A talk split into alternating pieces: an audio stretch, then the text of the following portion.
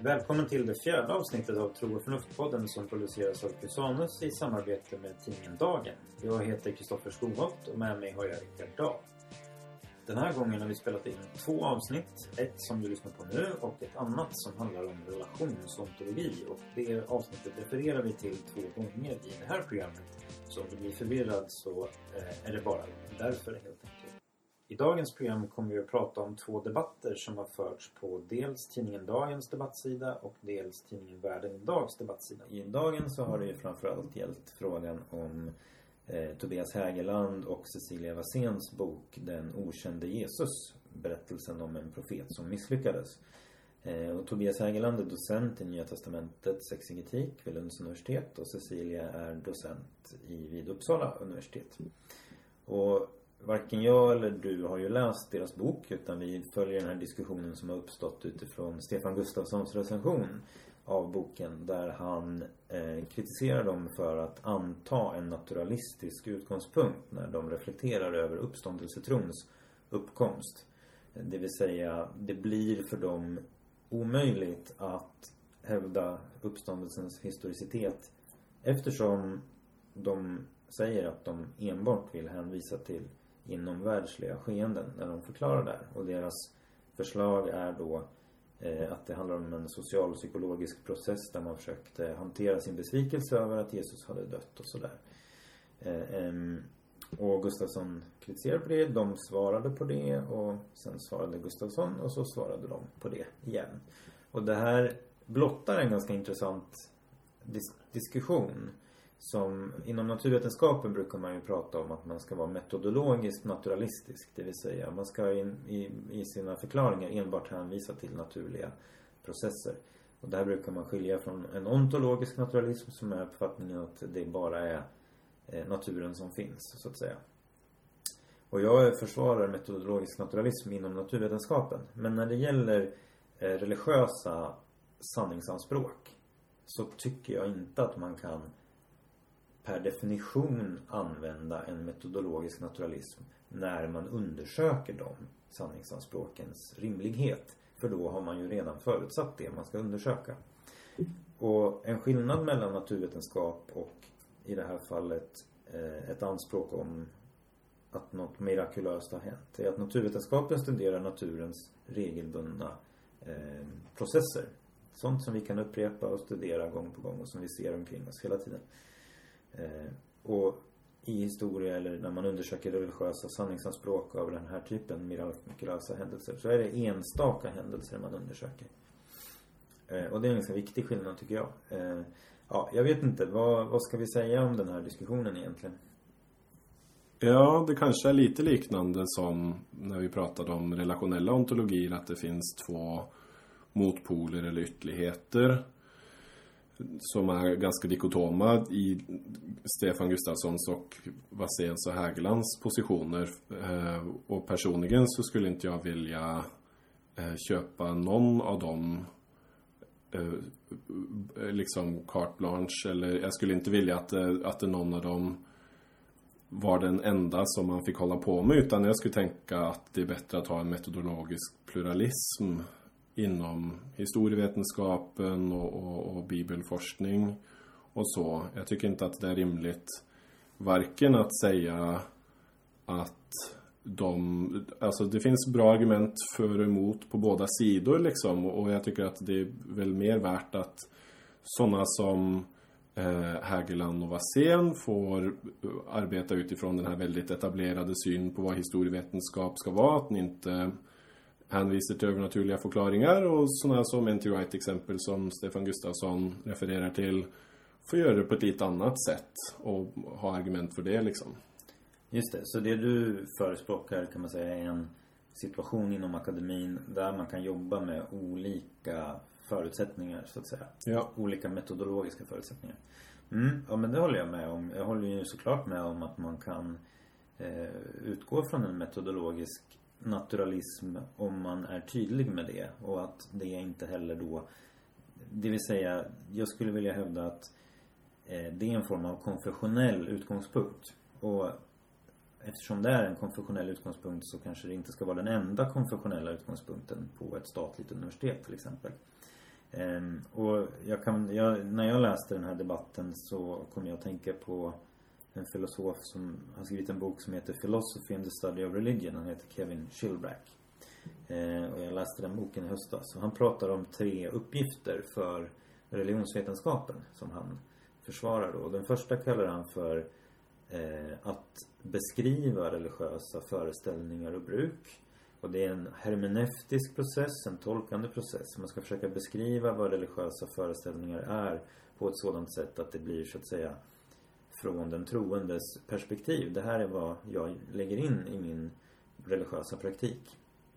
Han drar ett exempel som Gilbert Ryle, en filosof, har gjort som visar just hur vad intention är viktigt för om man vill förstå vad något är. Och det är att om en blinkning är liksom bara att man blinkar eller flörtar, det beror på intentionen hos den som gör det så att säga. Det andra är att förklara uppkomsten av de här religiösa föreställningarna och bruken. Och det tredje är att utvärdera dem, deras, deras rimlighet, deras sanning, deras moraliska karaktär, deras eh, huruvida religiösa institutioner är rättvisa och sådär. Så det finns ett normativt i den andra, eller i den tredje uppgiften då, att utvärdera. Men det finns ju på ett sätt också ett normativt element i det här att förklara. Och det som är lite märkligt är att om det ska vara en uppgift, till exempel för religionsfilosofin, att bedöma religiösa övertygelsers trovärdighet. Då hänger det ju ihop vad vi kan ge för förklaringar till religiösa föreställningars uppkomst. Det vill säga aktivitet nummer två då i hans schema. Och om det är så att i de här förklaringarna så får vi metodologiskt enbart hänvisa till inomvärldsliga skeenden.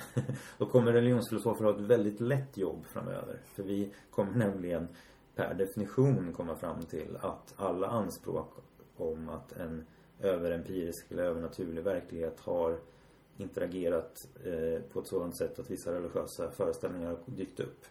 Till exempel uppståndelsetron.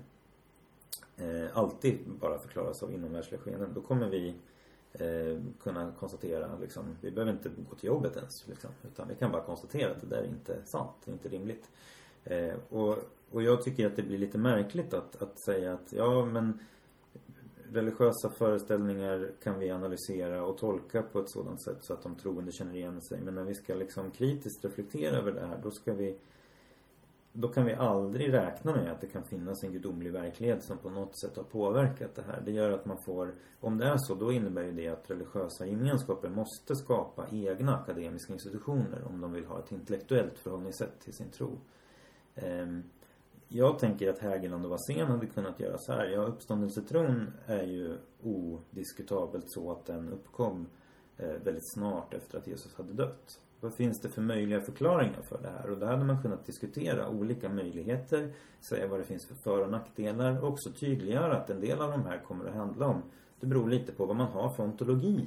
Och tydliggöra det. De hade inte behövt ta ställning i det. Utan de hade kunnat bara så här, tydliggöra att, um, att eh, det finns en relation mellan vad man har för världsbild och vilken förklaringsmodell som man är beredd att acceptera. Och sen så är det ju så att de flesta naturalistiska förklaringar kan man rikta eh, stark kritik emot och det har det också gjorts. Och det undrar jag om de gör i sin bok. Det hade varit väldigt intressant. För om mm. de gör det så är det kudos till dem. Men om de inte gör det så kan det ju bli lite Ja men det, det måste vara en naturalistisk förklaringsmodell. Ja, sen så verkar det som att de, de säger så här, vi utgår från en vedertagen vetenskapssyn. Så de kanske ändå uppfattar det som att den här synen är så etablerad att vi behöver inte argumentera för den liksom. Men en sak som jag skulle, som jag undrar är hur de skulle se på uppgiften till en teolog i förhållande till det här. Så man har den här tanken att teologen arbetar med material som vaskas fram av historiker till exempel. Då är en intressant fråga huruvida eh, om historikern arbetar strikt naturalistiskt hur mycket behöver det påverka teologens arbete? Så kan teologen liksom, är ett problem till exempel kanske att det blir dubbelarbete för att så det bästa vore om det redan på den historiska nivån fanns en plura, pluralitet av olika eh, forskare som gjorde det på olika sätt så att man kunde liksom eh, som teolog enligt eh, inom en viss skola eller skolbildning skulle man kunna ansluta till historiker som arbetade på samma sätt. Man skulle också kunna tänka sig att eh, även om historikerna arbetar helt naturalistiskt så är ändå teologerna fria att inte göra det och göra de här, den här typen av mer filosofiska eh, eh, analyser som du nämnde där, alltså nämligen de normativa som diskuterar huruvida de religiösa trosföreställningarna är sanna eller falska. Så jag skulle kunna tänka mig, jag tror att eh, som sagt att jag vill inte liksom säga antingen eller här men jag är ändå ganska sympatisk till Hägerlands och Waséns tanke om att historievetenskapen borde bedrivas på det här sättet och jag tänker att det eh, omöjliggör ju inte att eh, teologer kan ta det materialet vidare och göra någonting annat med det. Alltså så det är skillnad på att bedriva ren historieforskning eller att bedriva teologi som arbete med ett historiskt material, så att säga. Ja, men absolut. Men samtidigt så tänker jag på hur var det då när den historiskt kritiska bibelforskningen växte fram på 1600-talet? Ehm, eh, 1700-talet, där någonstans. Eh, då, den, den, den var ju präglad av en ganska, an, eller ja, vad ska man säga, väldigt antikyrklig bias. Och dateringarna var väldigt sena om teologerna bara då skulle jobba med det material som historikerna levererar, det vill säga det finns Ehm, paradigm, vetenskapen är i någon mån paradigmberoende och det gäller så att säga ju mindre experiment man kan göra på det, och ju mer komplex fråga man har att göra med, desto mer kommer en fråga med världsbild in. Och då, det måste man ju vara väldigt medveten med. Och för mig blir lite grann frågan, alltså du säger så här, ja men då kan teologerna jobba det. Men vi har en tradition i Sverige av att vi egentligen inte ska bedriva teologi vid, vid universiteten. Eh, så de, liksom, det blir lite den frågan då. Mm, men, men, menar... nu gör vi ju det. Alltså, så liksom till exempel Schillerbracks. Jag har ju nyss börjat på masterprogrammet på Tros och livs i Uppsala. Och då tog ju professorn första föreläsningen, Schillerbracks tre olika sätt. Eh, förstå, förklara och utvärdera normativt som vad man gör inom tros och livsåskådningsvetenskap. Så att eh, nu för tiden så gör man ju det i alla fall. Jag håller med att det har varit för... Ja, det man gör är att man har en normativ utvärdering. Men i Schilbracks bok så verkar det som, så är det ganska tydligt att när han pratar om explain så handlar det om att ge en inomvärldslig förklaring. Mm, det håller jag med om, absolut. Ja. Det, är ju, det, är ju, det är ju som den här... Det och det är ju den frågan som vi diskuterar nu, tänker jag. Så det blir inte ett argument för att det har ändrats. Ja, det, alltså argumentet skulle ju vara att eh, man får, det finns en större accept för att man som teolog idag vid svenska universitet får göra utvärderingar av religiösa trosföreställningars sanningshalt. Ja, fast problemet blir ju att den här explain-faktorn är ju väldigt relevant för att göra den utvärderingen. Och om du inte får göra explain eh, annat än med hjälp av inomvärldsliga processer så blir det ju väldigt påverkat hur du utvärderar det. Okej, okay, men alltså... Eh, för det här är ju frågan liksom, för, för den här eh, distinktionen mellan förstå och förklara som finns i de två första stegen som du nämnde där. Det är ju den här gamla, nu kommer jag inte ihåg de tyska orden, men det är ju liksom Diltheis uppdelning av vad som är naturvetenskapens jobb och humanvetenskapernas jobb. Liksom naturvetenskaperna ska förklara saker och humanvetenskaperna ska förstå saker. Erklärung und Verstehen. Ja, just det. Mm. Så liksom så jag håller med att eh, om... Det, så det, men jag tycker att det beror lite på i vilken mening man menar förklara. För att då, det är ju en truism liksom att om man vill ge en förklaring enligt upplysningsmodellen för förklaring så ger man en sån förklaring. Men jag tänker att det är inte eh, man kan också liksom i det här tredje steget som är mer filosofiskt då då kan man ju också ge förklaringar i någon mening men det är inte förklaring i samma strikta upplysningsmening som man gör i det här andra steget. Du menar att man kan i, i det som är utvärderingssteget så att ja. säga förklara något i övernaturliga termer? Ja, det tror jag. Ja, just det. Ja, ja det kanske man kan eh, tänka sig. Men då har man ju så att säga bara förflyttat en aktivitet från en plats till en annan. I, mm. så att säga. Och, och det kanske är bra liksom, tycker jag. Ja, okej. Okay. Ja. För att då är det tydligt liksom vad det har med det här med metodologisk pluralism att göra. Liksom så här att man kan få presentera vad kommer vi fram till för resultat om vi liksom om vi gör, om vi gör som en av Durkheim, en av de tidiga sociologerna, hade ju också förklaringar av religion. Och de var väldigt liksom så här, religion har, det är funktionella förklaringar, religion har den här funktionen att hålla ett samhälle tillsammans liksom så här. Så att de som ger den typen av förklaringar, de får ge förklaringar i upplysningsmeningen då. Och så får vi se hur mycket de förklarar, mm. så att säga. Och hur bra de teorierna är. Och sen så får andra arbeta enligt andra metodologiska paradigmer liksom. Just det, och det var ju en som skrev det i sin kritik av Hägerland och Wassén att man borde kunna tänka sig en metodologisk pluralism i våran postmoderna tid. Mm, just det, Lennartsson där. Ja, ja det håller jag helt med om. Och de, det var ju de emot. De ja, precis. Så därför jag vill inte mm. köpa varken Gustafsson mm. eller Wassén och Hägerland. För de verkar för mig som att de säger vi har kommit fram till det bästa sättet att bedriva de säger till den andra du borde istället göra det, liksom tänka att vi ska göra det på det här sättet. Det här, Men jag bara det här snarare, sättet. jag läste Gustafsson som att han sa att ni säger att det enda man kan göra är så här. Och det är ju det de säger också. Men, men det, då, det och, och då tycker jag att det är ju så att säga ett eh, i någon mån så är det ett förvetenskapligt axiom att eh, säga att man bara skulle kunna förklara det med inomvärldsliga eh, faktorer.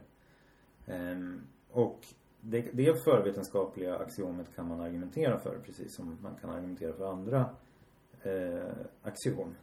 Så jag menar inte att, när jag säger att det är förvetenskapligt så menar jag inte att, att det per definition är irrationellt så att säga. Men däremot så menar jag att det är ganska, jag tycker att det är eh, viktigt att man inte gör, gör det till en fråga om att i akademin så skulle det bara kunna finnas eh, naturalistiska perspektiv på religiösa sanningsanspråk. Mm. Eh, och ett av de här motargumenten som Hägerland och Wassén tar upp det är ju att jaha, men då måste vi ju godta anspråk från den grekiska mytologin och sådär. Och det svarade Gustafsson bra på tyckte jag och sa att det, det är ju och en sak som jag själv tänkte på i relation till det är ju att om man till exempel tar frågan om, om man kan göra normativa utvärderingar inom, inom akademin. Och det gör man i många discipliner, i filosofi och man gör det i politisk teori och eh, genusvetenskap och sådär. Man, man utvärderar olika bruk och föreställningar och sådär normativt. Och då skulle ju någon kunna säga, jaha om vi ska ha normativa kriterier i akademin då måste vi ju också godta nazismen liksom. Och, och det är ju fel. Det, det, I akademin så, så, och det är en sak som Kjellberg säger också, att det som kriteriet på om någonting är hemma i akademin eller inte, det är inte om det är värdeladdat eller inte. För det kommer, kommer våra undersökningar alltid att vara. Utan det är om man är explicit med sina värderingar och, och, och argumenterar för dem. Ehm, och sen så handlar det ju om att det, inter, det intersubjektiva samtalet möjliggörs ju just av explicitheten och argumentationen. Mm. ehm, Transparensen. Och, precis. Mm. Och, och, och den intersubjektiva samtalet eh, hänger inte, menar jag, på att vi är alla naturalister i alla avseenden. Eh, så där tycker jag inte att de, eh, där håller jag inte med faktiskt. Nej. Nej men alltså om man tar eh, om Stefan Gustafsson bara säger att ni är för restriktiva liksom, ni stänger ut, eh, och det säger han ju också, det är den första delen av hans kritik liksom. Eh, ni stänger ut andra perspektiv, ni säger att det är bara det ena perspektivet som, som gäller. Så det kan jag ju, det är jag ju mer benägen att hålla med om, men han jag tänker väl mer att när han säger saker som att det ligger ju i bakgrunden eller liksom ligger i alla fall väldigt nära de sakerna han säger att han tycker att de nästan borde säga att uppståndelsen är den bästa förklaringen. Ja, just det. Och det tycker jag tar ett steg längre. Ja, det, det, det håller jag helt Och det var det jag menade med att det är som två motpoler liksom så att jag vill inte köpa att det att man eh, den starka position som man har där. Men jag vill inte heller köpa Hägerlands och Wasséns position utan metodologisk Nej, pluralism skulle Jag vara. förstår. Ja. Jag, jag läste inte riktigt Gustafsson på det sättet som att han sa att ni borde säga det här. Utan jag uppfattar det som att han menade att ni borde inte säga att man, att mm. man per definition enbart kan närma sig den här frågan utifrån naturalistiska förutsättningar. Mm. Och jag, jag läste till exempel Tord Fornberg har skrivit en bok om Nya Testamentet som heter Det trovärdiga vittnet och han navigerar väldigt väl där. Han säger liksom, ja men det får betraktas som historiskt tillförlitligt att människor trodde att Jesus gjorde mirakler. Och sen så reflekterar han inte över eh, miraklernas liksom ontologiska status. Och då, det tror inte jag heller att Gustafsson hade så här kritiserat honom för det. Utan, så att jag, jag tror att kärnpunkten ganska mycket är att de säger att vi kan bara närma oss den här frågan naturalistiskt. Mm. Men, men däremot så hade jag, det jag hade tyckt hade varit bra hade varit om så här, ja men den här frågan kan man närma sig eh, på olika sätt. Man kan ju försöka ge den här förklaringen, den här förklaringen, den här förklaringen. De har de här för och nackdelarna. Att ha en kritisk Mm. diskussion om det. Eh, och då tydliggöra att det finns världsbildsmässiga eh, faktorer som påverkar. Det är inte en ren historievetenskaplig undersökning som inte har världsbildsmässiga Ja. förutsättningar. Ja, jag förstår. Och det, det är en intressant bok att skriva liksom. Men jag kan väl också förstå om de inte ville skriva den. Och jag tycker att man plockar ut en lite annan aspekt av det här om man formulerar det som istället. För att de säger att det här är det enda sättet att bedriva historievetenskap. Om, man, om de istället skulle säga, vilket på ett sätt är säkert det de säger. Men jag tycker ändå att om man formulerar det på det här sättet så låter det lite annorlunda. Nämligen, vi har argument för varför det naturalistiska sättet är att föredra metodologiskt inom historievetenskapen. Då borde de få presentera dem och övertyga så många som möjligt. Men det borde inte såklart, alltså liksom för när det blir fråga, det blir lite så här liksom, är det frågan om, när vi säger att någonting inte får finnas inom akademin, menar vi att det finns liksom en konsensus kring en metod och att de som sysslar med någonting som inte får finnas inom akademin, de liksom lyckas inte få gehör för sitt, sitt alternativa förslag eller menar man att det toppstyrs? Att liksom fakulteten säger att det är bara det här som får finnas.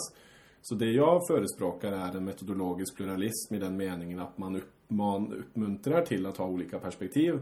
Men det kan ju, då innebär ju det att Hägerland och Wassén, de argumenterar ju för sitt perspektiv. Och så vinner de så många liksom anhängare till det perspektivet som, som de gör liksom. Absolut. Och det är ju, tror jag inte att man skulle liksom... Och då tycker jag det är rimligt för dem att skriva en bok utifrån de premisserna också. Ja, jo visst. Men de argument som de har presenterat för det de skriver i den boken. Ja, det blir, precis det blir nästa fråga. bra. Är argumenten för den här metoden bra? Liksom? Det, det är ju, För det de ju nästa skriver i boken är ju inte bara vi väljer det de skriver, det de skriver i den boken är ju inte bara vi eh, väljer på grund utav att vi är naturalister att försöka bara närma oss den här frågan naturalistiskt. Utan de säger ju att man kan bara närma sig den här frågan na- naturalistiskt. Ja. Och de argument som de har gett för det har ju varit då dels det slippery slope-argumentet. Då måste man ta den grekiska mytologin, ett face value, vilket är ett eh, dåligt argument. Och sen är att det intersubjektiva samtalet i historievetenskapen skulle gå förlorad om alla utgick från sina egna premisser. Det är möjligtvis lite bättre. Jag, jag är inte helt säker på exakt vad du lägger i ordet metodologisk pluralism. Men eh, jag eh, eh menar att det finns en empirisk nivå när man studerar eh, till exempel eh, uppkomsten för, för, för kyrkan och sådär. Och den här katolska exegeten John P. Meyer som de citerar i sin, eller hänvisar till i sitt svar. Eh, han, han har ju som ambition i, sina, i, sin, i sin serie om Jesus att försöka komma fram till vad skulle en ateist, en jude, eller en agnostiker, en jude och en kristen och sen någon mer tror jag kunna vara överens om om de träffades liksom i ett bibliotek och pratade om den historiska Jesus. Det är det han försöker komma fram till.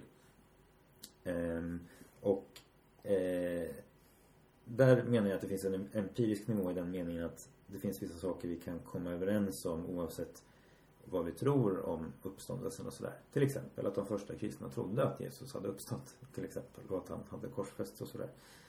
Eh, och där tänker jag mig att där ska man nog inte ha så mycket metodologisk pluralism när det gäller det där.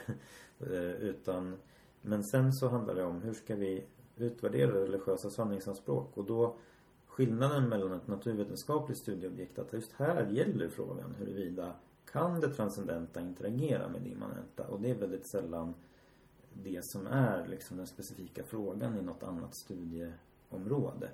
Eh, och det tycker jag blir knäppt att utesluta det från början, så att säga. Eh. Men tycker du, om man, form- alltså igen då, om man formulerar om det, om, de, om, om det de säger är vi har kollat på de här argumenten, och du, du tyckte inte de var bra, men de tycker de är bra. Och därför så blir de övertygade om den här metoden. Och den följer de i den här boken. Liksom. Det är ju inte värre än så. Nej men det är väl inte värre än så, men det problemet blir ju att det är ju inte någon självklarhet i så fall att man ska följa den. Nej, nej det är en fråga om argument liksom som man väger mot ja, varandra. Ja men precis, och därför är det eh, Men jag är inte helt, alltså du, du jag vet inte exakt vad det är du menar att de skulle kunna säga. Du, för att om jag till exempel, om man tänker så här då att man utgår ifrån en en ehm, det, det är en väldigt, väldigt stor skillnad mellan att säga Låt säga om vi tar ett exempel inom politisk teori och att det är någon liberal person som har liksom formulerat en politisk analys av eh, hur vi ska hantera klimathotet till exempel. Och så säger, då är det ju extremt stor skillnad mellan om den personen säger att jag förstår att det inte finns några givna utgångspunkter i den här frågan men jag har den här uppfattningen och jag ger de här argumenten för det. Så att säga. Jag är liberal, det betyder, jag tolkar det som att staten inte ska kunna begränsa individen så mycket. Och det leder mig till att säga att staten till exempel inte får begränsa hur mycket individen kör bil eller någonting sånt där. Det är en ganska stor skillnad på det att säga att man av någon anledning till exempel för på grund av alla människors lika värde eller något sånt där okränkbarhet vet att Mm. det är helt omöjligt för staten Mm, mm, jag håller med. att, eh, så. Att, Det är exakt att, den skillnaden som jag tänker att... Men jag, jag tror att det, för, om man skulle fråga dem så skulle de säga ja men det är ju det vi menar. Det tror inte jag. Nej, så det, är vi, 100% får, ni får skriva in eh, Tobias och Cecilia hur ni tänker där. Men i alla fall då så att... eh, och- För det är lite liknande så som vi är vana med från filosofin liksom. Att om en dygdetiker ska argumentera mot en pliktetiker så säger inte dygdetikern börjar inte med ja det finns ett enda sätt att bedriva etik på och det är det jag presenterar nu utan man är så medveten om att man kommer med ett paradigm som ska liksom Mm. kämpa mot ett annat och man är van att ge argument fram och tillbaka. Exakt. Och det är exakt den situationen Ja. som jag skulle Ja. som jag tänker den är naturlig att ha. Precis, och jag tror, jag håller helt med dig och det vore ju fantastiskt om den reflexiva medvetenheten fanns. Och då skulle jag hålla käften. Mm, Liksom. mm. Men den reflexiva medvetenheten finns inte. Nej. Och det har att göra med en historisk kontext och situation. Mm. Där det till och med är liksom lite nytt att man har en normativ ingång. Mm. Och då att, att, att det skulle kunna vara on the table. Ja. Att säga att jo men jag tycker faktiskt att det är historiskt trovärdigt att Mm. uppståndelsen ägde rum. På grund av att jag har den här metodologin som jag kan argumentera för. Ja, liksom. kanske inte så att säga. Man, man får ju säga att man börjar nog med den här emp- empiriska nivån där man pratar om det. Vad kan vi komma överens om oavsett om vad vi tror om det övernaturliga. Det är ju där man får börja. Och sen så när det gäller att tolka den, till att hitta det här övergripande förklarande schemat. Det är där de här paradigmen blir, eh, kommer, comes into play. Skulle jag säga. Mm. Eh. Men oavsett hur man, alltså det är klart man kan ju också säga att metoden föregår undersökningen liksom så här, men det är inte viktigt om man säger att den, i vilket Ah. punkt den, alltså att man, man skolas in i en metod liksom på skolan eller i den skolbildningen som man följer en tradition som man är en del av utifrån tid och ställe och så vidare och sen så när man har lärt sig den metoden så går man ut och praktiserar den så att säga. Så ser det ofta ut i praktiken. Men jag tror vi håller helt med varandra nu. Det är ju Mm, ganska mm. bra jobbat ändå. Ja, jo men absolut. Det, det, det får man lov att säga. Jag skulle, det, så det, det, det som enda som var min poäng var att, att eh, när man funderar på till exempel trodde den första kristna att Jesus hade uppstått så är inte det en fråga som där det finns liksom en metodologisk pluralism som blir relevant tror jag. Utan det vi menar med metodologisk pluralism här är väl eh, vilka faktorer kan man i princip hänvisa till. Eh, ja, alltså i alla fall så är det det vi diskuterar nu. Sen så är det klart att frågor om hur man värderar hur man värderar liksom vad, vad är det som spelar roll? Spelar det roll att det står i ett evangelium, två evangelier, liksom de här olika kriterierna för autenticitet är ju också väldigt mycket en fråga om vald metod så att säga. Alltså så Jesus seminariet till exempel skulle vara ett exempel på några som har en metod som har metodologiska förutsättningar som gör att de gör ett urval och de kommer till andra slutsatser när det gäller just den här grundläggande empiriska nivån än andra forskare. Så att metoden spelar ju också in där men absolut. Jo men det, det har det vi kanske inte pratar om med nu. naturalism att göra. Nej, Så exakt, utan- Det var det, det var det som var min poäng. Mm, mm. att eh, när vi pratar om naturalism så, Mm. säga, så, så handlar det ganska mycket om hur man ska tolka datat. Eh, så att säga, inte så mycket om, Mm, om vad datat är. Precis. Eh, Så det finns ju en känd bibelforskare som heter Gerd Lydeman som har sagt att Jesus har inte uppstått för vi har, vi har 200 years of science that shows us that no, att inga döda uppstår så att säga. Men han har också sagt att det är ett historiskt faktum att de första kristna trodde att Jesus hade uppstått. Så det Mm. bara att tydliggöra Ja, det är jättebra. Ja. Och det här med metodologisk pluralism, alltså jag menar ju det i, på alla nivåer av metod liksom så här, men det vi men det är ju just den här bakgrunden som du säger att liksom den här eh, upplysningstanken om att nu har vi äntligen kommit fram till den rätta, universellt bindande, giltiga metoden för hur vi bedriver naturvetenskap. Och det här ska solidifieras nu. Och att det har börjat krackelera och att man har liksom Mm. fått, nu kan man göra det på olika sätt. Det är ju det som är bakgrunden till, Just till det. det här. Jag, jag, jag vill bara liksom tydliggöra att jag ehm, eh, vet inte så här själv om jag skulle använda ordet metodologisk pluralism utan jag skulle kanske vilja använda någonting annat. Och jag skulle heller inte säga att det här är en diskussion som skulle ha några återverkningar på hur man bedriver naturvetenskap. Ehm, därför att naturvetenskap är ett annat studieområde och jag har förvisso teologiska och filosofiska skäl till varför jag anser att metodolo- det vi nu har kallat för metodologisk naturalism bör gälla inom naturvetenskapen. Mm. Men det knepiga är ju när man studerar religion som just handlar om anspråk om en övernaturlig verklighet och dess eventuella interaktion. Ehm, Då kan man inte ur ett filosof, det är liksom inte filosofiskt riktigt hederligt att från början utesluta att det kan finnas en interaktion däremellan. Och det är just därför jag anser att det akademiska studiet av religiösa sanningsanspråk som man till exempel gör inom religionsfilosofin kan ju inte på förhand utesluta de här sanningsanspråkens sanning så att säga. Eh, och, och det där, jag vill bara tydliggöra så att, säga, att, att jag vill inte vända mig mot eh, det moderna naturvetenskapliga metodologiska idealet. Och vi har inte varit helt tydliga vad som vi lägger in, i, eller vad du lägger in i metodologisk pluralism. Och jag har väl försökt driva tesen att det kanske inte är i första hand metodologisk pluralism som jag är ute efter utan det är snarare en öppenhet för att datat kan förklaras eh, ur ett eh, teologiskt teistiskt perspektiv. Mm. Som, Mm, ja, men jag, jag ja. förstår det. Ja, ja. Så min tanke är bara liksom att eh, under upplysningstiden så växte det fram ett sätt att bedriva vetenskap, inte bara inom naturvetenskapens område men inom humanvetenskaperna som var modellerat på naturvetenskapens sätt att bedriva Ja, vetenskap. Och det finns sociologiska och andra typer av socialvetenskaper. Finns sådana metodologier idag som liksom, där problemet inte är att de bara utesluter religion utan de kanske utesluter intentionalitet eller liksom mänsklig medvetande överhuvudtaget. Liksom så här. Så att, eh, och det jag menar med metodologisk pluralism är just bara pluralism. Det ska Ja. vara okej att använda olika metoder. Mm. Och då skulle jag tänka på upplysningsmetoden, liksom den positivistiska och de olika som har följt som en metod. Och så ska jag tänka på att det finns olika andra sätt att göra det på också. Och det slår liksom på alla discipliner och det slår på alla nivåer av hur man bedriver disciplin. Okej. Bara för att vara Okej. liksom. Mm, just det. Nej men intentionsförklaringar är ju väldigt viktigt inom humanvetenskaperna. Eh, och eh, bör så vara. Mm, mm, det håller jag med om. Mm.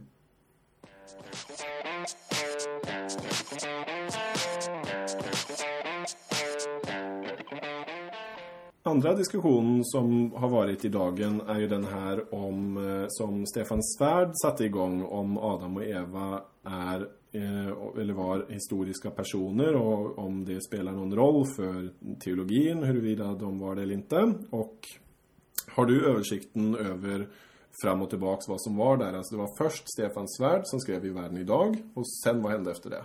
Ja, sen så har ju det väckt debatt Pekka Mellegård från Örebro teologiska högskola Just som det. var rektor där. Eh, skrev att eh, man skapar onödiga problem för människor som eh, i relation till den kristna tron och sådär. Jag har faktiskt inte eh, orkat följa den här debatten så mycket. Mm. För att den har jag redan tröskat igenom. har jag Du- känt. eh, Been there, done that. Ja, lite så. Och eh, här tror jag kanske att vi har lättare att uppnå Konsensus. från början. Jag har lite allmänna reflektioner om Ja. frågan. För Ja. att det här är ju liksom inte en fråga som uppkom för några veckor sedan. Utan den har ju pågått ett tag. Mm. Men en sak som Pekka Mellegård tog upp som jag, tyckte, som jag tycker är relevant är ju att om man kollar på orden Adam och Eva så är de ju lite misstänkt symboliska sådär. Adam som betyder människa och Eva som betyder moder till allt liv eller någonting sånt där. Det är ju en första liksom, vad ska man säga, hint Mm, att mm. det här kanske inte måste förstås som två individer i Främre Orienten. Eh, det är min ena fundering. Den andra funderingen är att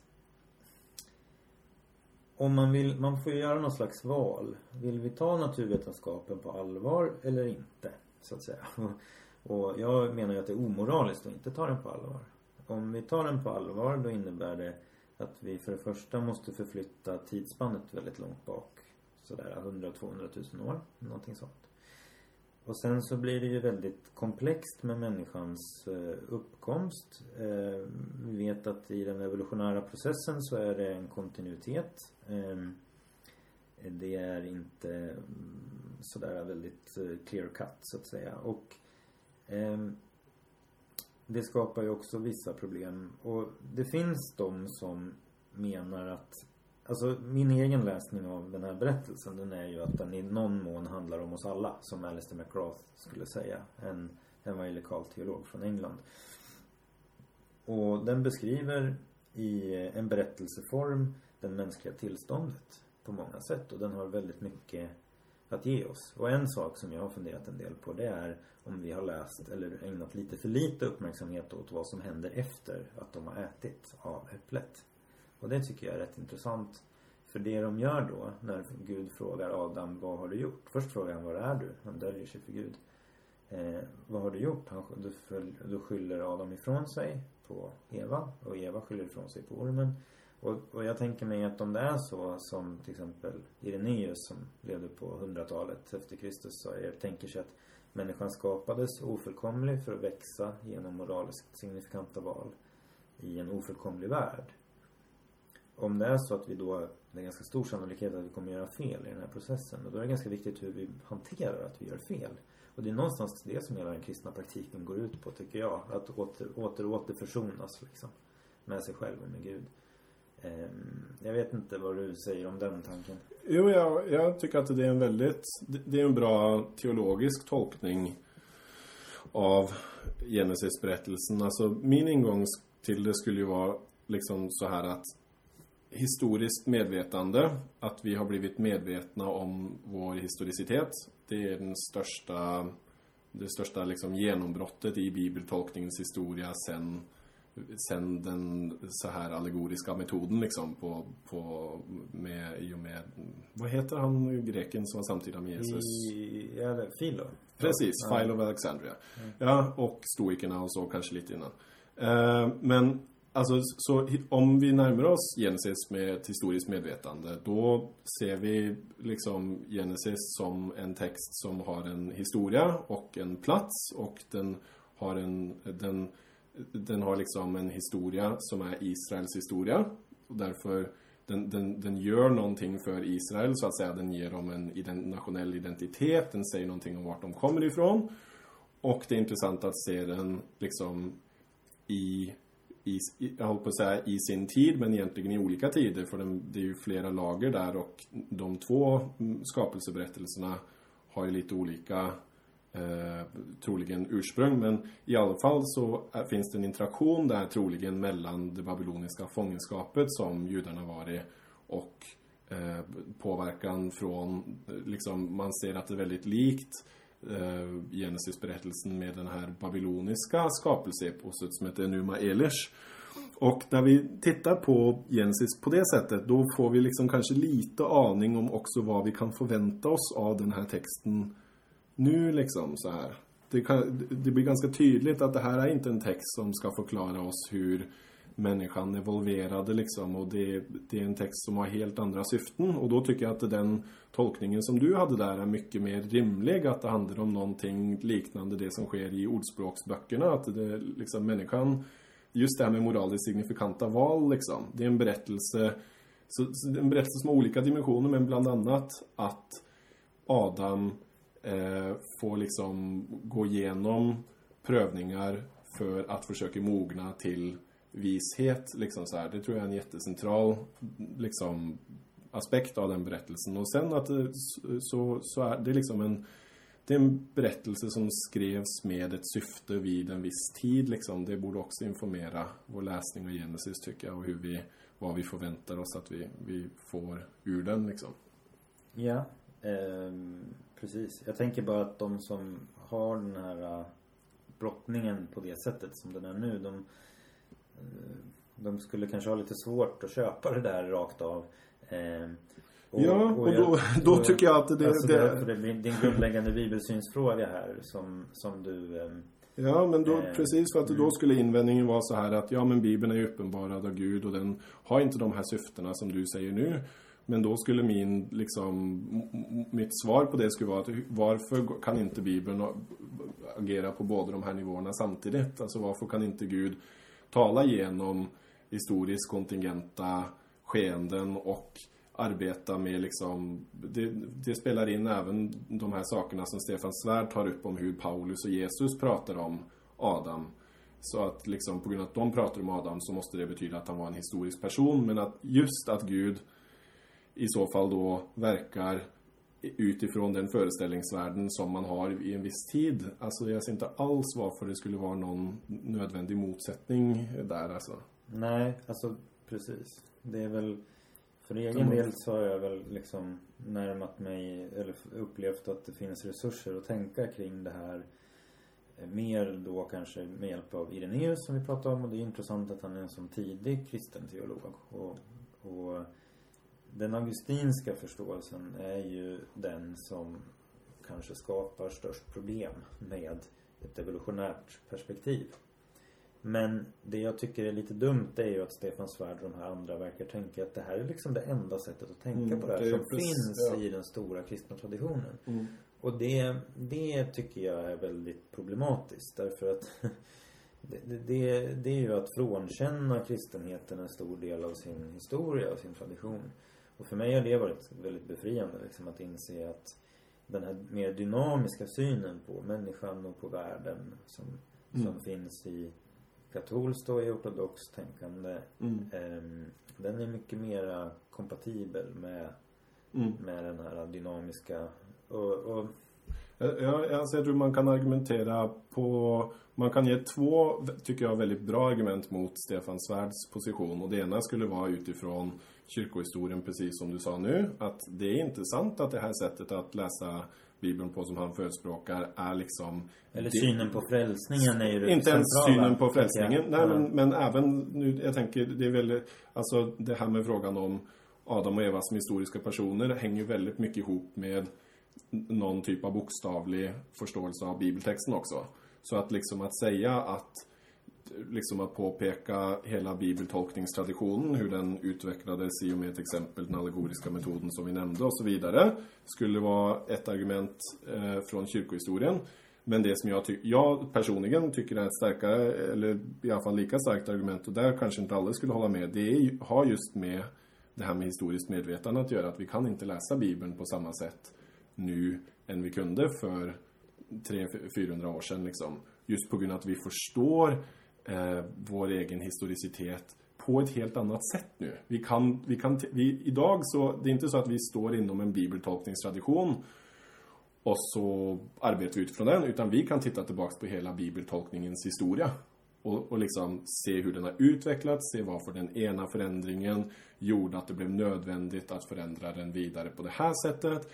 Och det här synet som vi, det, det, perspektivet som vi kan ha nu, det kunde man inte ha förut. Och det borde göra att vi läser Bibeln på ett annat sätt, tycker jag.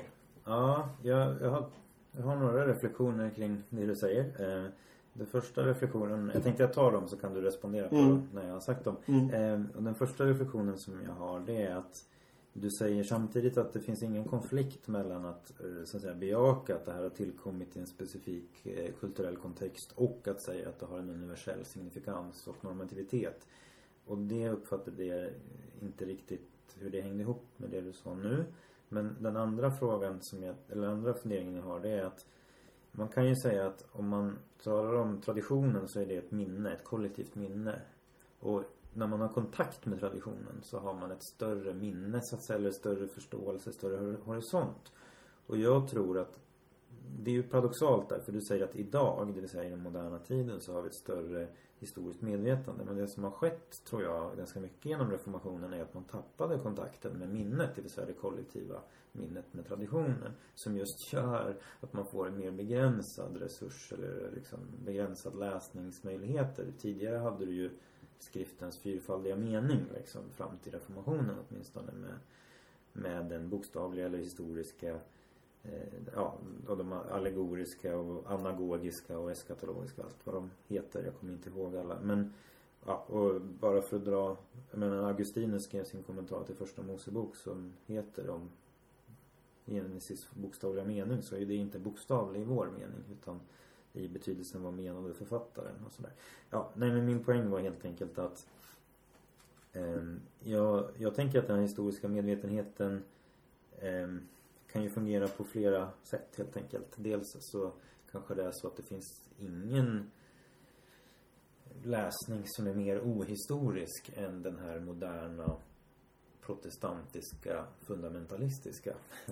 Ja, så att eh, hur, liksom, hur reformationen har påverkat i det här, det är ju komplext liksom så här. För att eh, ehm, innan reformationen i och med renässanshumanismen så blir det ju liksom ett, ett begynnande historiskt medvetande i och med att man går tillbaks och läser texter som man inte har gjort på väldigt länge och så. Så det påverkar ju liksom tolkningsläran i sig. Och sen så finns det det här elementet under reformationen som är lite positivistiskt. Alltså det som ger upphov mycket längre fram till så här bokstavlig bibeltolkning och så. Det finns ju också i det reformatoriska tänkandet. Men sen så är det ju protestantiska teologer som Schleiermacher till exempel som utvecklar hermeneutiken som, som blir till ett bejakande av eh, historisk medvetenhet. Så Ehm, så det jag tänker mig är att det inte... Visst, det finns de här tendenserna till att eh, inte stå i kontakt med traditionen och med det kollektiva minnet och så. Men det som jag kallar historisk medvetenhet är inte så, utan det skulle vara mer liksom hermeneutiskt tänkande alla Gadamer och så vidare. Ett försök att överbrygga den här liksom eh, spänningen mellan min egen liksom mitt främlingskap till en text som jag skrivit i en väldigt eh, en tid som är väldigt långt borta då. Men, så jag tänk, men jag menar ändå att eh, så visst, det finns liksom en eh, aspekt av det moderna som inte kanske tar tillvara på historien. Men jag tänker att vi det finns också moderna resurser som tar bättre eh, har ett, Eh, kan, kan inkludera det historiska perspektivet bättre än man har kunnat tidigare. Och det är det jag menar med historiskt medvetande som jag menar borde påverka vår bibelläsning nu och som är någonting vi inte hade tillgång till på samma sätt tidigare. Mm. Jo, men jag, jag, håller, jag håller med om det. Eh, eh, och sen blir ju frågan bara hur, hur man ja, vad det får för konsekvenser och sådär. Ja, mm. precis. Och där kanske man kan... Det, för det finns väldigt mycket liksom den här impulsen till att i, hos de som inte vill att eh, vi ska förändra till exempel våra mm, tolkningar av Bibeln och så. Finns det en tanke om att vi måste vara trogna mot det förflutna så att säga. Vi måste stå i en rätt relation till det förflutna. Vi, jag tänker att vi måste också eh, tänka på vad vi ger till kommande generationer. Så vad är det för teologier, vad är det för bibeltolkningar, vad är det för typ av kristendom eh, och så vidare som vi ger till, eh, till kommande generationer, de som kommer efter oss. Och där tycker jag ändå att, eh, vad han heter, Mellegård, alltså hans, när han tar upp Augustinus som säger att det, det blir jätteknepigt liksom när kristna säger så här saker om naturliga världen som folk som inte är kristna fattar direkt liksom att det här stämmer inte. Det, det är ett stort problem. Jag köper den kritiken. Jag tycker att det här med att bejaka historiskt medvetande det är snarare någonting som bidrar till att ge en mer robust eh, bibeltolkning vidare till kommande generationer. Det, jag ser det inte som ett kompromiss eh, liksom mot det förflutna så att säga. Nej, nej det är det ju inte i och med att det också handlar om att försöka förstå en text eh, från, från dess egna villkor så att säga. Men det kan ju leda till diskontinuiteter liksom och det är just det som blir väldigt intressant att eh, det har, kommit, det har uppkommit nya liksom, sätt att tolka just när det har varit kulturella kriser liksom och moderniteten är en sån kulturell kris och då uppkommer det nya tolkningssätt. Och då finns det liksom den här spänningen mellan de som vill bevara det som har varit och de som vill kasta ut allt och så vidare och de som vill ställa sig i mitten. Och det är liksom inte såklart självklart hur man navigerar det här men men min känsla är liksom att Stefan Svärd till exempel skulle representera de som tänker sig att eh, vi, vi vet redan hur det är, vi behöver inte ändra på någonting. Och då kanske man ge vidare någonting som blir allt mer skört till kommande generationer, tänker jag. Mm, och kanske någonting som inte är sant. Mm. och, eh, men jag tror att man kanske kan beskriva situationen då lite så här, om, analogt med den här debatten med, som vi hade, eller Hägerland, Hägerland Wassén Gustafsson debatten. Det vill säga Stefan Svärd säger här nu att det enda sättet man kan tänka på det här det är att Adam och Eva är historiska personer. Eh, han, han är liksom den som säger det här är det enda sättet man kan tänka på. Eh, jag skulle vilja säga att det eh, är inte sant och eh, man måste ta tillvara på och ge resurser för människan och, och kyrkan att tänka på det eh, på ett annat sätt. Alltså där det här blir mer symboliskt. Och den, den typen av teologisk reflektion är ganska viktig för att den här texten ska fortsätta att belysa och eh, vara teologiskt närande så att säga. Så det behövs det mycket av. Men jag skulle också vilja säga att det är möjligt att ha en slags historisk förståelse av fallet. Men den förståelsen måste vara väldigt nyanserad. Och då måste man också ge människor redskap för en sån nyanserad förståelse som står i direkt dialog med eh, naturvetenskapen. Och det vet inte om du känner till det men det finns ju en, en sida som heter Thomistic Evolution där det är ett antal dominikaner som skriver om evolutionsteorin och bland annat en biolog som har skrivit en väldigt bra artikel som handlar om hur passande det är att Gud skapar genom en evolutionär process. Och jag var inne på hans hemsida. Han är ju verksam som biolog och sådär. Så han har publicerat en hel del inom biologi. Men så har han också skrivit ett argument. Han har också skrivit en artikel om historiciteten i syndafallet som jag inte har läst för jag har inte haft tillgång till den men jag ska försöka leta upp den. Och den är just i väldigt nära dialog med eh, det vi vet om människans evolution och sådär. Eh, en intressant sak som han, alltså mitt problem med det där är att det kan bli väldigt spekulativt om man gör teologin så att säga hela tiden beroende av nya rön inom, inom biologin och sådär. Men, men om man ändå tar diskussionen på den typen av allvar så tycker jag att det är, är liksom hedervärt så att mm, säga. Mm. Och, sen, och sen har han en intressant poäng. Därför han tänker att fallet är inte en korruption av den mänskliga naturen. Utan det handlar om att den övernaturliga nåden försvinner så att säga. Eh, så, och, och, och, för det är en viktig aspekt i hans... För att, ja, annars tror jag också att det blir svårt att få ihop det då. Mm. Men, men Stefan Svärd försöker ju inte göra den typen av teologisk reflektion över naturvetenskapen. Han bara hävdar det här och skapar jättestora problem för människor som måste välja då mellan naturvetenskapen och att vara kristen. Och jag tycker det är oansvarigt faktiskt. Mm. Eh, mm. Av en ledare att, att göra det. Och, och, men jag ville bara ändå säga det att jag tror att man kan så att säga karva ut ett antal positioner där John Polkinghorn som vi pratade om när vi pratar om relationella ontologier. Han, han tänker sig ju att fallet var någon slags process där människorna gradvis vände sig ifrån den här transcendenta dimensionen och, och sådär. Och Celia Dean Drummond vid Notre Dame har ett liknande perspektiv. Och det här, hon är ju biolog och prof, varit professor i biologi i England och nu är hon professor i, i teologi på Notre Dame. Och det är inte, det är liksom inga naiva personer. Så jag har, jag har respekt för den typen av eh, eh, tolkningar. Men de är just kännetecknas av att de har den här eh, seriösa dialogen med naturvetenskapen. Precis, så sammanfattningsvis då, det vi har gått in på nu med Adam och Eva-debatten, det är ju egentligen två olika aspekter. Dels så är det frågan om själva texten, hur ska man läsa texten? Och sen så är det den teologiska tolkningen av texten. Det handlar om syndafallet i det här, eh, liksom, hur ska man förstå syndafallet evolutionärt? blir en fråga.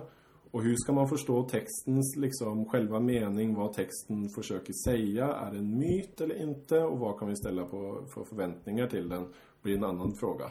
Så både de måste man ju fundera över och komma fram till någon typ av svar kring. Mm, precis. Ja, det var allt vad vi hann med idag. Ni får jättegärna komma med frågor eller tips på saker ni vill att vi ska ta upp och gärna sprida podden vidare i era nätverk. Tack för att ni har lyssnat så hörs vi snart igen. Hej då!